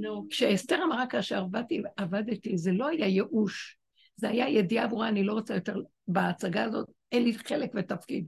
אני לא יכולה יותר להתהלך בה, כי אין לי כאן מה לעשות, יותר כלום. קולי לא נשמע, מה השייכות בכלל פה? בשביל מה אני אעשה כאן משהו? זה מעתה ואילך אני ממליכה אותך, תעשה איתי מה שאתה רוצה. וזו הייתה קריאת אמת באמת. זה ייאוש מן החיים של השקר, מן המאבק התמידי לסדר פה את החיים ולהיות יכולים. היא עזבה את הדבר הזה, היא לא, היא לא רצתה למות. היא אהבה את החיים, לא למות. לא אמות כי אחי אומר דוד המלך. אבל אני רוצה לחיות רק אם אתה נמצא עמדי. אם אין פניך הולכות עמנו, אל תעלנו מזה, אומר משה רבנו להשם. אני לא הולך בשליחות שלך אם אתה לא מצטרף, כי אני יודע מי אני. מה השם לא... דוד, אה, משה רבנו, אה, ותראו כי טוב, הכי מושלם, הכי נורא, לא, לא, אני רגע אחרי את פרעה, הוא ירגיז אותי, הוא כזה קטן, אני אכמת אותו ואני אהרוג אותו, כמו שהרגתי את המצרי ואני אטמון אותו בחול. אני מסוכן, אל תשלח אותי לכאלה מקומות. כן, כתוב שהוא היה כעסן, וראינו את זה במדבר, שהוא היכה בסלע וכמה מקומות ויקצוף באל המילואים שהוא רצה להקריב, שהוא אמר לאהרון, למה לא הקרבתם את הקורבן שהשם אמר? אז הוא קצף, קצף קצף מעצבים. זאת אומרת שהוא יודע את מקומו ויודע את המצב שלו, בגלל זה השם גם לא נתן לו להיכנס לארץ ישראל. הוא ידע את גבולו, ידע את פגמו, הודה בפגם ואמר, עד פה. אני לא משחק יותר את המשחק הזה, זה, זה שלך, לא שלי. הוא אומר, או, עכשיו נגעת בנקודת האמת. מה אתם מרימים עליי? מה אתם מרימים פה עוד כאילו אתם יכולים ועושים? אתם רק בשליחות שלכי, שלי. אתם לא מצד עצמכם מציאות. זו עבודה מאוד מאוד עמוקה. ואני אגיד לכם משהו, אנשים כבר 90 אחוז נמצאים במקום הזה, זה תהליך הלידה. שלקראת הסוף, לקראת התהליך האחרון של הלידה, אין שום שיטות ואין שום טריקים ושטיקים, כלום. לא יכולים, ונגמר, זהו, זה חייב להיכנס למשהו אחר, שזה לא קשור אלינו בכלל. גם הפידורה לא יעזור. זה המקום של האין אונים המוחלט, וזה המקום של הגילוי של מלכות השם. אז כל השחיטות שעוברות עלינו, מה שאת רואה כאן, בתוך חשיבות של משרה כזו וכל זה, אומר לך כלום. והיא עובדת שם הרבה הרבה שנים וראתה ישועות בתוך בתי הדין, כי השם מתגלה תוך כדי עבודה. אבל כאן הוא עשה לך באמת, שכזה דבר יקרה לך, מה קרה? למה שזה יקרה בכלל? מי בכלל שתבוא ולעשות? זעזע אותך, את כזאת ותיקה, עובדת... אה, אה, מקצועית מאוד, ופתאום איזה אחת שרק התחילה בכלל ומתעלה לך. ואת רואה גם באיזה צורה, תסתכלו, שם תמונה, כל העולם מלא תמונות כאלה. היא תלכלך על האיש הזה, מה שבכלל זה לא שייך לדיון, רק כדי להראות שהיא בעניינים והיא תנצח בכל מחיר. העולם, אי אפשר בכלל להתקרב, אנחנו צריכים לאסוף את החלקים שלנו ולהיזהר, לא להתערבב רגשית בעולם. גם אם מה שנשאר לנו, עוד בני ביתנו, שזו עוד המסגרות הכי קרובות וצפופות, שאין לנו ברירה רק להיות בהן, גם שם לא להתערבב רגשית ולא לתת את האגו האמאי, אגו הנשי, האגו החברתי, והלא יודעת מה, והקהילתי, וכל השקר הזה, אלא לעבוד נכוחה עם נקודת אמת פשוטה, כאשר אני אוחזת במקום של ריבונו שלם, זה לא בשבילי כנעל הגבול. תצרפי את האיסורים האלה, כל הכאבים שאנחנו עוברים, כשאני כל מקום שהולכת, ובא לי רק דבר הכי קטן שמתחיל, אוי, עכשיו הולך להיות משהו, ואני אומרת לו, ואבוי לי, אני רק מתחילה. כל העניין שלנו זה לזהות את הסכנה ולהימנע ולהגיד לו, וואי, להביא את כל, לפתוח את הספר הזה, אם יש ספר זיכרונות וחשבונות, זה רק של הכאבים. לא לזכור שום דבר. אה, ריבונו שלם, אני לא יכולה יותר, לא יכולה, אני על הגבול. זה מזכיר לי שאסור לי לנסות להיכנס באיזו הרפתקה חדשה ולהראות שאני יכולה להתמודד, אני לא יכול כלום. הלא יכול האחרון שאנשים ייתנו זה של הלידה. זה, זה מול השם, זה לא לא יכול מול השני ברפיסות, ואז אנחנו מפחדים מהדבר הזה. כי מה, אני אראה לפני בן דבבי כזה לא יכול ומסכן? והשונא שלי? לא. אבל זה לא הוא, זה לא הם, זה לא אף אחד פה, זה רק מול בורא עולם. האין אונים היא מופנית, תתחילו להתאמן שהכל זה בורא עולם כאן. כל מה שלא בא אליכם, זה הוא שלח והוא אמר, ממנו יצא ככה, והשם אמר לו להגיד לי, זה הזיז ככה זה זה. וזה מאוד קשה, כי מכאן אנחנו רואים כמה אנחנו אה, מפוצלים. אנחנו רוב רובנו במחנה של הישות והחשיבות, וזה קיים וחי וקיים, ואילו החי וקיים האמיתי מאחורינו בכלל, מי זוכר אותו? מה אתם חושבים שזה הגאולה? הגאולה זה לגלות את החי וקיים האמיתי. ואם אין לנו הכנה ואנחנו לא מתמודדים וזה, אוי לנו מיום הדין, חבלו של משיח בעיצומו. זה נורא קשה הסיפור הזה. הדרך הזאת ניתנה במתנת חסד וחינם להכין אותנו ולהראות לנו לפחות, תראו את הפגמים שלכם, תראו איך אתם נראים. זה כבר לא המקום להצטדק מול השני. תראו את עצמכם, גם אין לכם להרים ראש, אין מצח להרים ראש ופה לצפצף ולהגיד משהו בכלל, רק להגיד ריבונו שלם, הראית לי את המציאות האמיתית שלי, ואני בהתחלה אומר את זה בשיוורון, מה, אני כזה הייתי צריך להיות כזה? לא, לא הייתי צריך להיות שום דבר, זה איך שאני מלכתחילה כל הזמן. רק הגאווה של עץ הדת, היא סידרה לי שאני לא צריך להיות ככה, אני צריך להיות כמו אה, השם, וייתם כאלוקים. לא, לא, לא, אני חסר. אני אה, מציאות של נפילה. עד שדוד המלך הסכים ואמר חטאתי נגדי תמיד. כי פשעה נעידה וחטאתי נגדי תמיד, והיה צדיק אמיתי. אה, והוא אמר, בהתחלה הוא עושה שיוויתי השם לנגדי תמיד, בחנני ונשני. עד שהוא הבין, זה, זה דבר מדהים, רב אושר אמר פעם, אה, מה הוא אמר? בחנני ונשני. ברגע שהוא אמר בחנני ונשני, היא יצתה בת קול ואמרה לו, אתה עזבת אותי השם ברגע שאמרת את זה. זאת אומרת, אתה מתגרה בי שאתה יכול בחנני ונשני? זה לא דבר מוזר, הוא אמר דבר מאוד יפה, תראה, אני כל כך אוהב אותך השם, תראה, אני מתה לך, באמת באמת תבחן אותי ותראה. שלא תעז להגיד את זה. הוא הביא לו את ניסיון בת שבע, והוא הראה לו שאוהבת בת שבע יותר מהשם לרגע. ואז הוא לא, אפילו לא קלט מה הוא עשה, כי הכל היה נראה על פי דין והכל בסדר, לקח אישה פנויה, אה, מלכי בית דוד נותנים גט לפני שיוצאים למלחמות לנשים שלהם, כן, הכל היה נראה. אבל זה היה גחמה כזאת שהוא סידר ותכמן, ואת זה נג... הוא לא ראה מה שהוא עשה. שהוא לקח את אוריה החיתי ושם אותו במקום מסוכן, וכן, בכל, בכל אופן, בעלה של בת שבע. בכל אופן, הוא, כשנתן הנביא אומר לו את זה, הוא נבהל, ואז על המקום הוא מודה. איך עשיתי דבר כזה? כי לא יכולתי שלא לעשות דבר כזה. חטאתי נגדי תמיד, כי פשעה אני אדע וחטאתי נגדי תמיד. הוא ישר אומר, אבל אני מציאות של חיסרון ונפילה. אני מציאות של חטא. וזה שכחתי, כי עץ הדת חושב שעושה אותי כאילו אני מלך ואני גדול, אבל אני גנוב, אני נגנב, אני גונב. אז ריבונו שלם, אני מודה לפניך, זה מעמד יום הכיפורים, אני מודה לפניך שאין לי תקנה, אם אתה לא תשמור עליי, אם השם לא ישמורי, עכשיו שקד שומר. אם הסתרת פניך, הייתי נבהל, אל תעזוב אותי, אל תסתר פניך ממני. אז תעזוב. באותו רגע הייתה השפלות שלו, אומר, השם אומר לו, עכשיו חזרת אליי. עכשיו אתה קרוב אליי. קודם התרחקת ממני, עזבת אותי לחשוב, השם בשמיים שם, לא בשמיים, לא מעבר לים ולא בצחוקה. בפיך ובלבבך אחורה פנה, תסתכל במידות, בתחתיות שלך, ומשם, מעתה ואילך תתהלך ואל תחשוב את עצמך. אתה רק כלי שלי. תדבר אליי, תגיד לי, בא אליך איזה סכנה, תצעק. תצעק אליי, אני שומע אותך. ואל תתערבב עם העולם, ותעשה לך גדרות וסייגים, מה שחז"ל לנו כל החיים. עכשיו תגדור את עצמך, גדר על גדר על גדר, יותר מהגדרות שנתנו לנו ועשו משמרת למשמרתי, עוד יותר, הירא את השם באמת. אז יש יראת שמיים, שזה מה שהחכמים נתנו לנו. חוקים אנחנו יראים. לא לפרוץ אותם. ויש יראת השם, זה מדרגה עוד יותר גדולה. אישה יראת השם, היא תתעלל. לא אמרו אישה יראת שמיים, אישה יראת השם. יראת השם זו המדרגה של יראה פנימית במידות, במידתיות של כל דבר ודבר. אנחנו אומרים, לא, בחוקים אנחנו בסדר, אבל במידות מה? לא, ציווה, לא נצטווינו על זה. סטילים, אתם לא מצטווים על זה, אתם מתרחקים מהחוק של, של השמיים, הוא נמדד לפי המידות. הגויין מבינה אומר, שאלמלא המידות תורה למה לי? זאת אומרת, אם אתם לא תמדדו ותשקלו גם התורה, תסתבר, גם, אתם תגנבו גם שם ותעשו דברים שנראים לכם שכן, והאינטרסים שלכם יגנבו אתכם, ואתם תתרחקו מהחוק והדיוק הנכון של החוק, חוקי התורה, חוקי השמיים.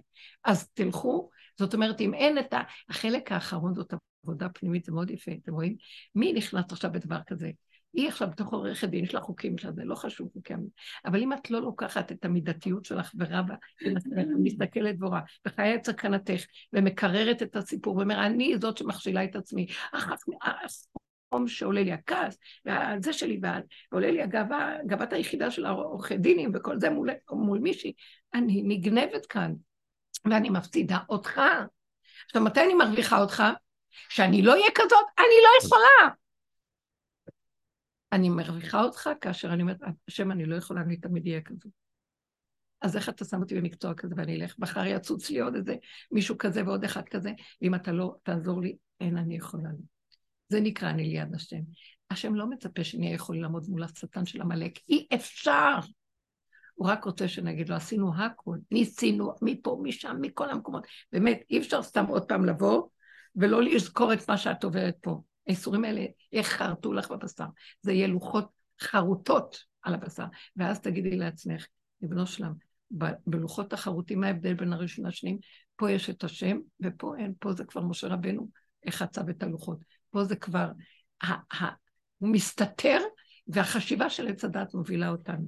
והטוב מפני הרע, וכן הטהור מפני הטמא, אבל השם מסתתר.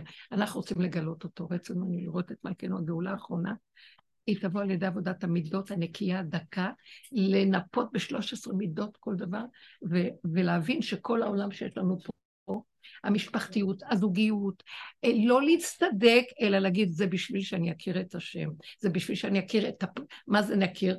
נכיר קודם כל מה מפריע לי להיות מחובר להשם. התכסינו כבר, יש לנו מין מסך קשה, ש... ואז אני צריך להודות במסך הזה ולא להתווכח עם השני ולהצטדק כאילו אין כזה דבר. להודות ואני מודה בפני השם, מה אכפת לי השני שלישי, מה אני אגיד? מי הוא בכלל רגע או ברגע הולך? הם כולם כלים של השם. הוא אמר להם לבוא להשפריץ עליי את הכאבים ואת הצער. מי הם בכלל? אחרי רגע היא אומרת לך, תני לי חיבוק. מי הם בכלל? אנחנו נותנים חשיבות ורצינות, וכן, וזה שקר. אני, אני אומרת, אבל זה אתה. אתה, לא באים לקודש בלי הפגם. תביאו את הפגם, בזה תתקבלו, בזאת יבוא ארון אל הקודש. תביא לי איזה פר, תשחוט איזה משהו כאן. פר, לא סתם, לא כבש, לא תור בן יונה, תביא לי פר, בזה אתה תיכנס לקודש. מה? אז המקום שלנו זה, זה אגב, הפר זה האגו בעיצומו, זה הפר בין בקר, יש כל מיני דרגות של, אה, של קורבנות, כן. איך הייתה יכולה להיות בצפרדע בסיטואציה הזאת להיכנס? הייתה גם ככה הייתה נפש. כאילו, האם יש שלב שהיא עוד לא נמצאת? הייתה צריכה להגיד להשם, קודם כל, ריבונו שם, אני נכנסת לזה, היא נכנסה עם הגב, ה... אני כאן התלבשתי באגו. אני כאן, זה נכון, היא גם ראתה את הסכנה, היא עובדת הרבה על הדבר הזה. אבל להיכנס לצפרדע, שזה יאכל אותה, היא באמת הייתה מת, היא לא מסוגלת... במקצוע כזה להיות צפרדע, קצת קשה. יש מקצועות שאפשר להיות צפרדע. אתה גם במקצוע, ואתה בדין, זה לא... אתה בדין, זה לא כן בדין, אני גם בדין. אני אגיד לכם מה זה. מה, אני אגיד לך מה זה, בערכאות האלה זה מאוד קשה. יש מקצועות שאנחנו עושים הרבה עבודה שם. יש, יש שלב באמת לאמיתה שאי אפשר להמשיך במקצוע כזה. למה? כי זה צריך להיות לפנים משורת הדין. הדרך שלנו היא לפנים משורת הדין, ופה את עובדת על פי דין. על פי דין זה בית המדרש, בחכמים, אחד מתווכח לו. אה, בוא נגיד שאדם ניצח ויודע שדעתו נכונה, ועכשיו השני לא מוכן לוותר לו, הוא שותק לו. מוריד את הראש ושותק. זה נקרא אהבה שאינה תלויה בדבר. זה נקרא לפנים משורת הדין. זאת אומרת, אני אמרתי את שלי, אני יודע איפה הוא מת, ההוא מתעקש, אני עוזב, ושיגיד, נראה כלפי חוץ, כולם אומרים זאת האמת, ואני יודעת שהנקודה של האמת כאן, אם השם ירצה זה יתגלה, אני לא עושה יותר כלום. ואני קר, אומר את מה שאני צריך להגיד, עושה את העבודות שלי, אבל היא עשתה ככה, היא רק סיפרה לנו מה קרה לה בפנים, בחוץ היא עשתה ככה. לא הייתה לה ברירה, היא כנראה ניסתה להציל את זה, אבל ביקשה מהדיין, אולי לא צריך אה, כאן אה, לחקור את הזה ולא צריך את זה, אבל הוא אמר לה תני לה בזה וזה. אז היא ניסתה... היית שם לגמרי. איך? כן, היא הייתה... היא הייתה, היא כבר התאמנה, היא מאומנת בזה, היא לא היום, היא כבר הרבה שנים בעבודה והיא בזה. אבל פה היא מספרת לנו מה קרה לה בפנים, השחיטה הפנימית, זה שמה פנס בפנים, את מבינה כאן מה קורה? מבינה? מאוד, תשימי לב, שזה מאוד יפה, וזה מראה כאן הנקודה, אנחנו בעולם. בעולם אנחנו נדרשים כן להגיד. מישהו אומר לי משהו, אני אגיד לו. ואז הוא מתנגד לי, ואז אני אנסה להסביר לו, ואז הוא ממשיך להתנגד לי. ואז יש איזה שלב שאני אומר לעצמי, תזהרי, את בסכנה. את אומרת מה שצריך, תאספי את הכוחות שלך, תיכנסי, תקשיבי לו, הוא לא רוצה לקבל. אם אין הדבר נשמע, אל תאמר, כנס פנימה ותשתוק. ההוא חושב שנכנעת לו, וזה ש... מה אכפת לי מה הוא חושב? אני יודע את הנקודה שלי. האדם הזה הוא איש אמת. הוא עכשיו הלך לפנים משורת הדין, כי על פי דין אני אשחוט אותו, ואני אראה לו שאני כאן הנקודה שלי, ואין מה לדבר בכלל. זה לא יעזור כלום. האדם הזה שעובד ככה, זה הוא נתן לצפרדע, אה, הצפרדע נתנה לאכול אותה. שמעתם? זה בדיוק זה, זה לא שהצפרדע פותחת, זאת אומרת, תאכל. אבל הוא לא אוכל אותי באמת, כי השם רואה את הנקודה. אני לא מוותר גם בנקודת האמת שלי, רק היא שלי, והשם ביני לבינו נקודת האמת. השם אומר, תצטרף אליי, אתה לא מבין, תרגיש את הכאב שלי, כאב של שכינה בגלות. אוכלים אותי, רומסים אותי, גונבים אותי, לוקחים את כל הכוחות של השכינה, וכל אחד אומר, זה שלי, שלי, שלי. וזה לקחו ממני, מישהו אומר את הדבר בשם אומרו, בשם מי שאמר, משנתן. ככה אנחנו נראים. אז תחוו רגע את הכאבים שלי, תחוו איך אני נראה פה בעולם. האדם הזה שותק, השם אומר לו, אתה שלי עכשיו, בוא. עוד אחד כזה, עוד אחד, עשר כאלה, בואו איתי, אני גואל את העולם. אני קם מתוככם ואני מביא גאולה. אני התכוונתי רק להגיד שגם את הנקודת שבירה לסיטואציה. אי אפשר לא להישבר. בטח, אבל איפה? לא בבית הדין, לא צריך בבית הדין לא, לעשות את זה. זה מאוד יפה. בבית הדין לא צריך, מול השני את לא צריכה להישבר ולראות לך טיפש כמוך, טוב תנצח אותי, אתה רוצה לנצח, לא צריך. זו חוכמה מאוד גדולה לעצור עד איפה הנקודה ולחזור אחורה. דווקא הרבה פעמים, אז השם יילחם לכם, אתם תחישו, השני פתאום מרגיש לו נוח, יש כזה דבר, מרגיש לו נוח. כי לא שאתה נכנעת ואמרת, טוב, זה בסדר, אתה לא יכול, אני, סליחה, זה לא, זה לא רמה ככה, זה לא בשבילי. אני לא, לא, גם לא עניין של רמה או מתוך גאווה. אני פורש כי אין כאן אמת, יש כאן נצחנות, יש כאן וכחנות, אין כאן מידת האמת. אז מידת האמת זזה אחורה ואומרת טוב. ואת זה הדיינים רואים. דרך אגב, תדעי, לב מלאכים ורוזנים, הדיינים, השופטים, השם נמצא שם הרבה פעמים ש... שאדם נשאר עם נקודת האמת שלו ולא מלכלך וחוזר אחורה מול זה שמול התובע השני, אה, זה הדיינים רואים. אני זוכרת שהיה לי פעם איזה, אה, תבעו אותי לדין תורה באיזה מקום, היה לי עמותת חינוך וזה, והלכתי. והיו שם שני אברכים, ואני הייתי לבד. ואז הם הוציאו דברים. הם דיברו לא יפה. הם דיברו ממש לא יפה, והכפישו. ואני רגע שתקתי, ולא אמרתי, וכאילו הדיינים מסתכלים עליי, יש לך משהו להגיד? אז אמרתי לא, אין לי מה להגיד. שתקתי בשקט, אמ, אמרתי, אמרתי לדיינים, הבאתי לכם את העדות אה, אה, בעל דין, היא יותר ממאה עדים, כן? אז הבאתי לכם מה שהבאתי, שמתי את כל הדברים, אתם טענתי את הנקודות, עכשיו אני שותקת, כי זה לא שייך לדיון בכלל. את יודעת, בסוף הם אמרו לי שאני זכאית. זה לא, בגלל שבאמת ידעתי שזה לא היה משהו. אבל אני שמתי לב, הם הסתכלו עליו, עליהם, הסתכלו עליי, הסתכלו עליהם, הסתכלו עליהם, הסתכלו בינם לבין עצמם, זה בלבל אותם. כן, שתקתי, אמרתי, אמרתי, אה, בדבר הזה אני לא, אין לי מה להגיד. ובסוף הם פסקו לטובת העניין. לא, אני ראיתי, הם רואים, הם רואים, יש איזה, הם יודעים את המימיקות, הם התלהמו וצעקו, ואמרו, וואי, מה זה ככה, לא ככה. השתיקה והרגיעות וזה שאתה אומר את הדבר כמות שהוא, וזהו, זה נגמר, נגמר. מה? לא, את אמרת שאנחנו לא צריכים להביא את עצמנו להישחט. לא, זה אנחנו לא מתנדבים למות, לא. אבל uh, חכם מי שרואה את זה מבעוד זמן ואומר, טוב, לפעמים אנחנו לא יכולים, אנחנו נשחט, כי אנחנו קשי עורף, כי אנחנו כבר מקולקלים בתוך המציאות. תיתנו דוגמאות מחיי היומיות. אני רוצה כן. לשאול שאלה. כן. אני באמת, אני מבינה את כל מה שדיברת עכשיו, אני מבינה את זה ליחסים שלי סתם, בתור אישה לבעל, בתור אימא לילד. כן, לא, לא הייתי פה כי הבן שלי הגדול התגרש, ועברתי איתו גם, כן, עברתי איתו גם, והכל בסוף היה כזה מושלם, כאילו לא נלחם, אני מבינה את כל, פשוט היה לי את כל הכלים מפה, כן. חייתי את זה, יכולה להגיד שלא התפרקתי, לא התרסקתי, ההפך, באיזשהו שלב אמרתי, השתבח שמו לעד שמהרגע שהוא החליט עד שהוא התגרש היה שלושה שבועות, לא נגרם צער לה, לא, לא, בלי ילדים, זוג צעיר, באמת היה לי כוח לראות שזה היה רצון השם, אבל מול משהו, עכשיו יש לי משהו שהוא רפואי.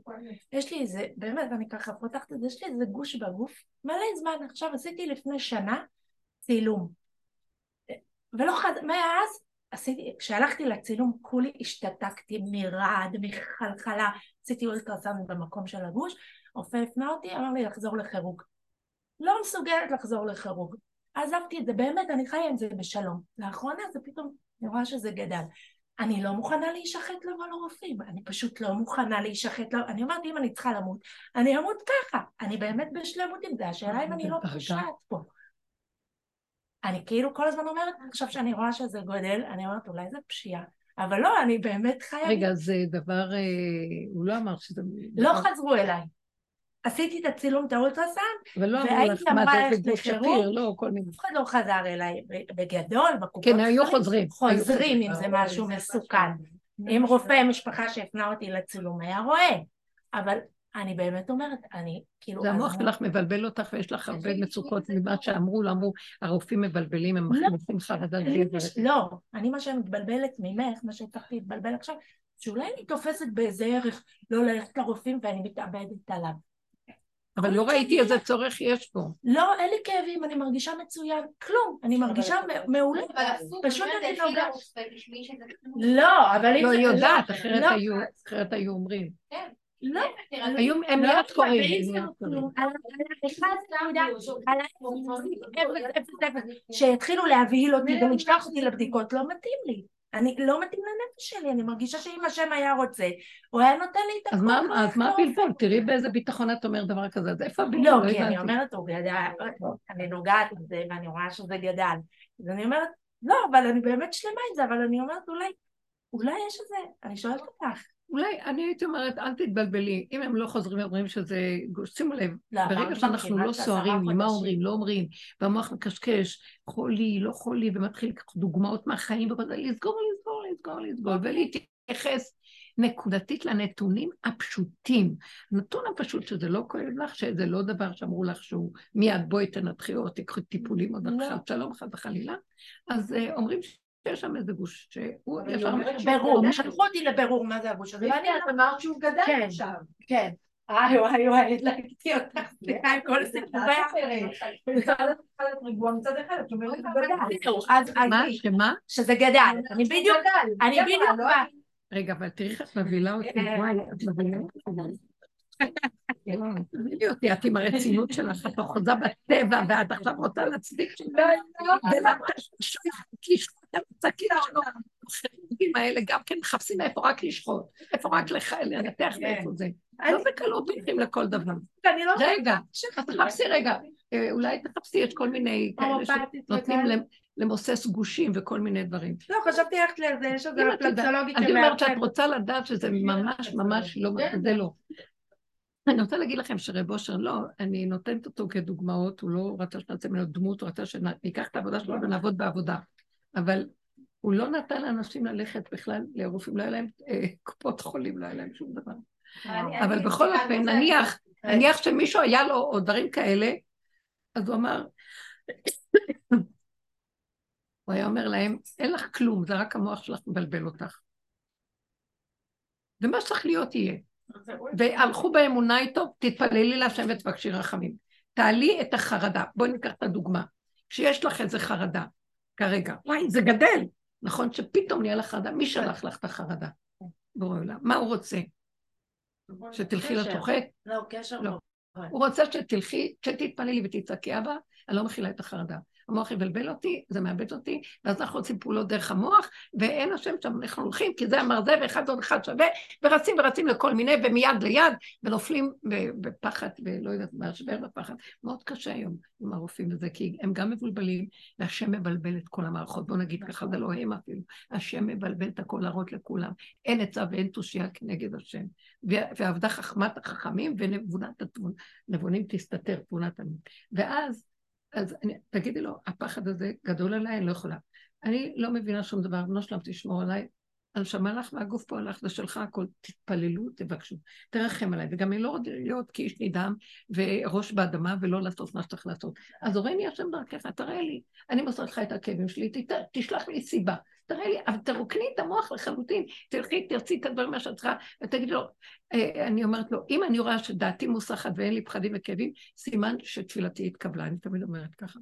שאם אני רואה אחרי רגע, שכחתי בכלל, לא ידעתי מה התפללתי, לא ידעתי כלום, דעתי מוסחת. שקט, יהיה לי שקט אחרי דרכי. אז התקבלה תפילתי. ריבונו שלנו, אני מבקש ממך, אני בידיים שלך. אה, איך אמר דוד אה, לגד החוזה? נפלא נא ביד השם ואל לפול ביד אדם, כי רבים רחמיו. מרחמי בשר ודם. אני, אני מבקש אותך השם. עכשיו, לא, תשימי לב, שימי לב ל... ל... כן, וחוץ מזה, הייתי אומרת שיש מה שנקרא דברים שלא מחייבים צורות מאוד uh, קשות של... כי ברגע, מה שכתוב, וניתן רשות לרופא, לרפא, רש"י אומר על הפסוק בפרשת משפטים, uh, ורפו, ושבטו ייתן ורפו ירפא, כן? על מה שצריך לתת לאחד ש... נתן מכה לעבדו, משהו כזה. אז רש"י אומר, ורפו ירפא, מכאן שניתן רשות לרפא. למה? אה, ככה הוא אומר, למה? כי רפו ירפא זה פעמיים ריפוי. וצד אחד הרופא מרפא, צד אחד הוא גם הורס מערכה אחרת בשביל לרפא את המערכה הזאת. ואילו בפסוק אחר שאומר, אה, כל המר... אה, אם בחוקותיי תשמעו מצוותיי תלכו, ועשיתם אותם, כל המחלה שנתתי במצרים לא אשים עליך, כי אני השם רופאיך. פעם אחת השם רופא. וכשהשם נותן את הרפואה שלו, זה רפואה לכל הכיוונים וזה. אז תתחילי, תבקשי, ושימי את הפחדים שם, שימי את הכאבים שם, ותדברי אה, אליו עם כל הזה. וחוץ מזה, הייתי אומרת שיש יש היום המון, הוא שלח היום הרבה דברים ש, שישנם בטבע. כן, עלה לי, עלה לי איזה רעיון, כן. עלה לי איזה רעיון, אחר כך אני אדבר איתך. פתאום נזכרתי במישהי, ש, שהיא מטפלת בכל מיני דברים כאלה, אבל לא והיא מצליחה מאוד מאוד. היא לא צריכה הבחנה קודם? אני, יש הרבה כאלה, אבל הם אומרים לה, אבל מה יש לך? תגידי מה, כאילו, הבחנה, עשית צילום, תחזרי הוא אמר לך, יש גוש, לא? לא, אני מרגישה גוש, והרופא שלך אותי לבירור. ולא לא חזרתי לבדוק מה זה. אמר לך לכי לכירורגי. כן. זאת אומרת שהוא אמר שיש גוש ושיש... לא, עוד לא, אני לא בשלב הזה. אני באתי לרופאת נשים, אמרתי לה יש... תדברי איתה וזהו, לא חשוב, בוא נלך הלאה. זה לא חשוב, עכשיו לא ניכנס לפרטים. הרעיון הוא לא להיבהל, לא ללכת מיד עם המחשבות ומה שרגילים לעשות ולרוץ ישר לרופאים ולכל הדברים האלה. אה, לא להיבהל, לא. לא. לא להיבהל. אני רואה שהרבה אנשים אחרי שהם עושים כל מיני פעולות כאלה, מתגלה שהרופא אומר, לא ידענו, לא ראינו, ניסינו, אנחנו חשבנו, אנחנו זה, אל תיתנו את עצמכם לכל אחד שיגע בכם. עוד לא, זה עוד לא המקום. אני אדבר איתך. מה הלאה? טוב, אני רוצה להגיד משהו, היה לי איזה משהו בגב, כן, כן. אמרתי לו, זה כלום, זה כלום, זה כלום, ואז בימי עשיתי את זה כי זה. ועשיתי תור, אמרו לי עוד שלושה חודשים. אמרתי, בסדר, שלושה חודשים. שלושה חודשים להסתובב לי, ובא לי בראש והלכתי. ואז הלכתי לרופא, הוא צחק עליו, אומר, זה גוש שומן. זה יכול גם לגדול, כי זה גוש של שומן. לא, הלכתי, הלכתי. אם היו אומרים לי גוש שומן, לא הייתי. מתייחסת. אז מה הוא, לא ברורה, מה הוא אמר? לא, הלכתי, ואמרו לי תעשי אולטרסאונד. זה גוש במקום שלו, זה תעשי לא אולטרסאונד. עשיתי אולטרסאונד, ולא חזרתי לברר תשובות. באותו רגע אמרתי לו... הם היו חוזרים אלייך אם היה משהו ברור. זהו, עשיתי לא אולטרסאונד. חשבתי למישהו אחר לקחת את התשובה, לא למה. היו שמישהו אחר יקרה. טוב, תודה רבה לכם. תעבדו דקות, אז זה רק התחלה, דקות, הדקות יותר פנימית, דיברנו כללי מאוד. דיברנו כללי מאוד. אני לא, אני ירדתי מהסיפור, כי אני לא מצליחה בכלל, אמרתי לך. אם היא רוצה משהו כזה,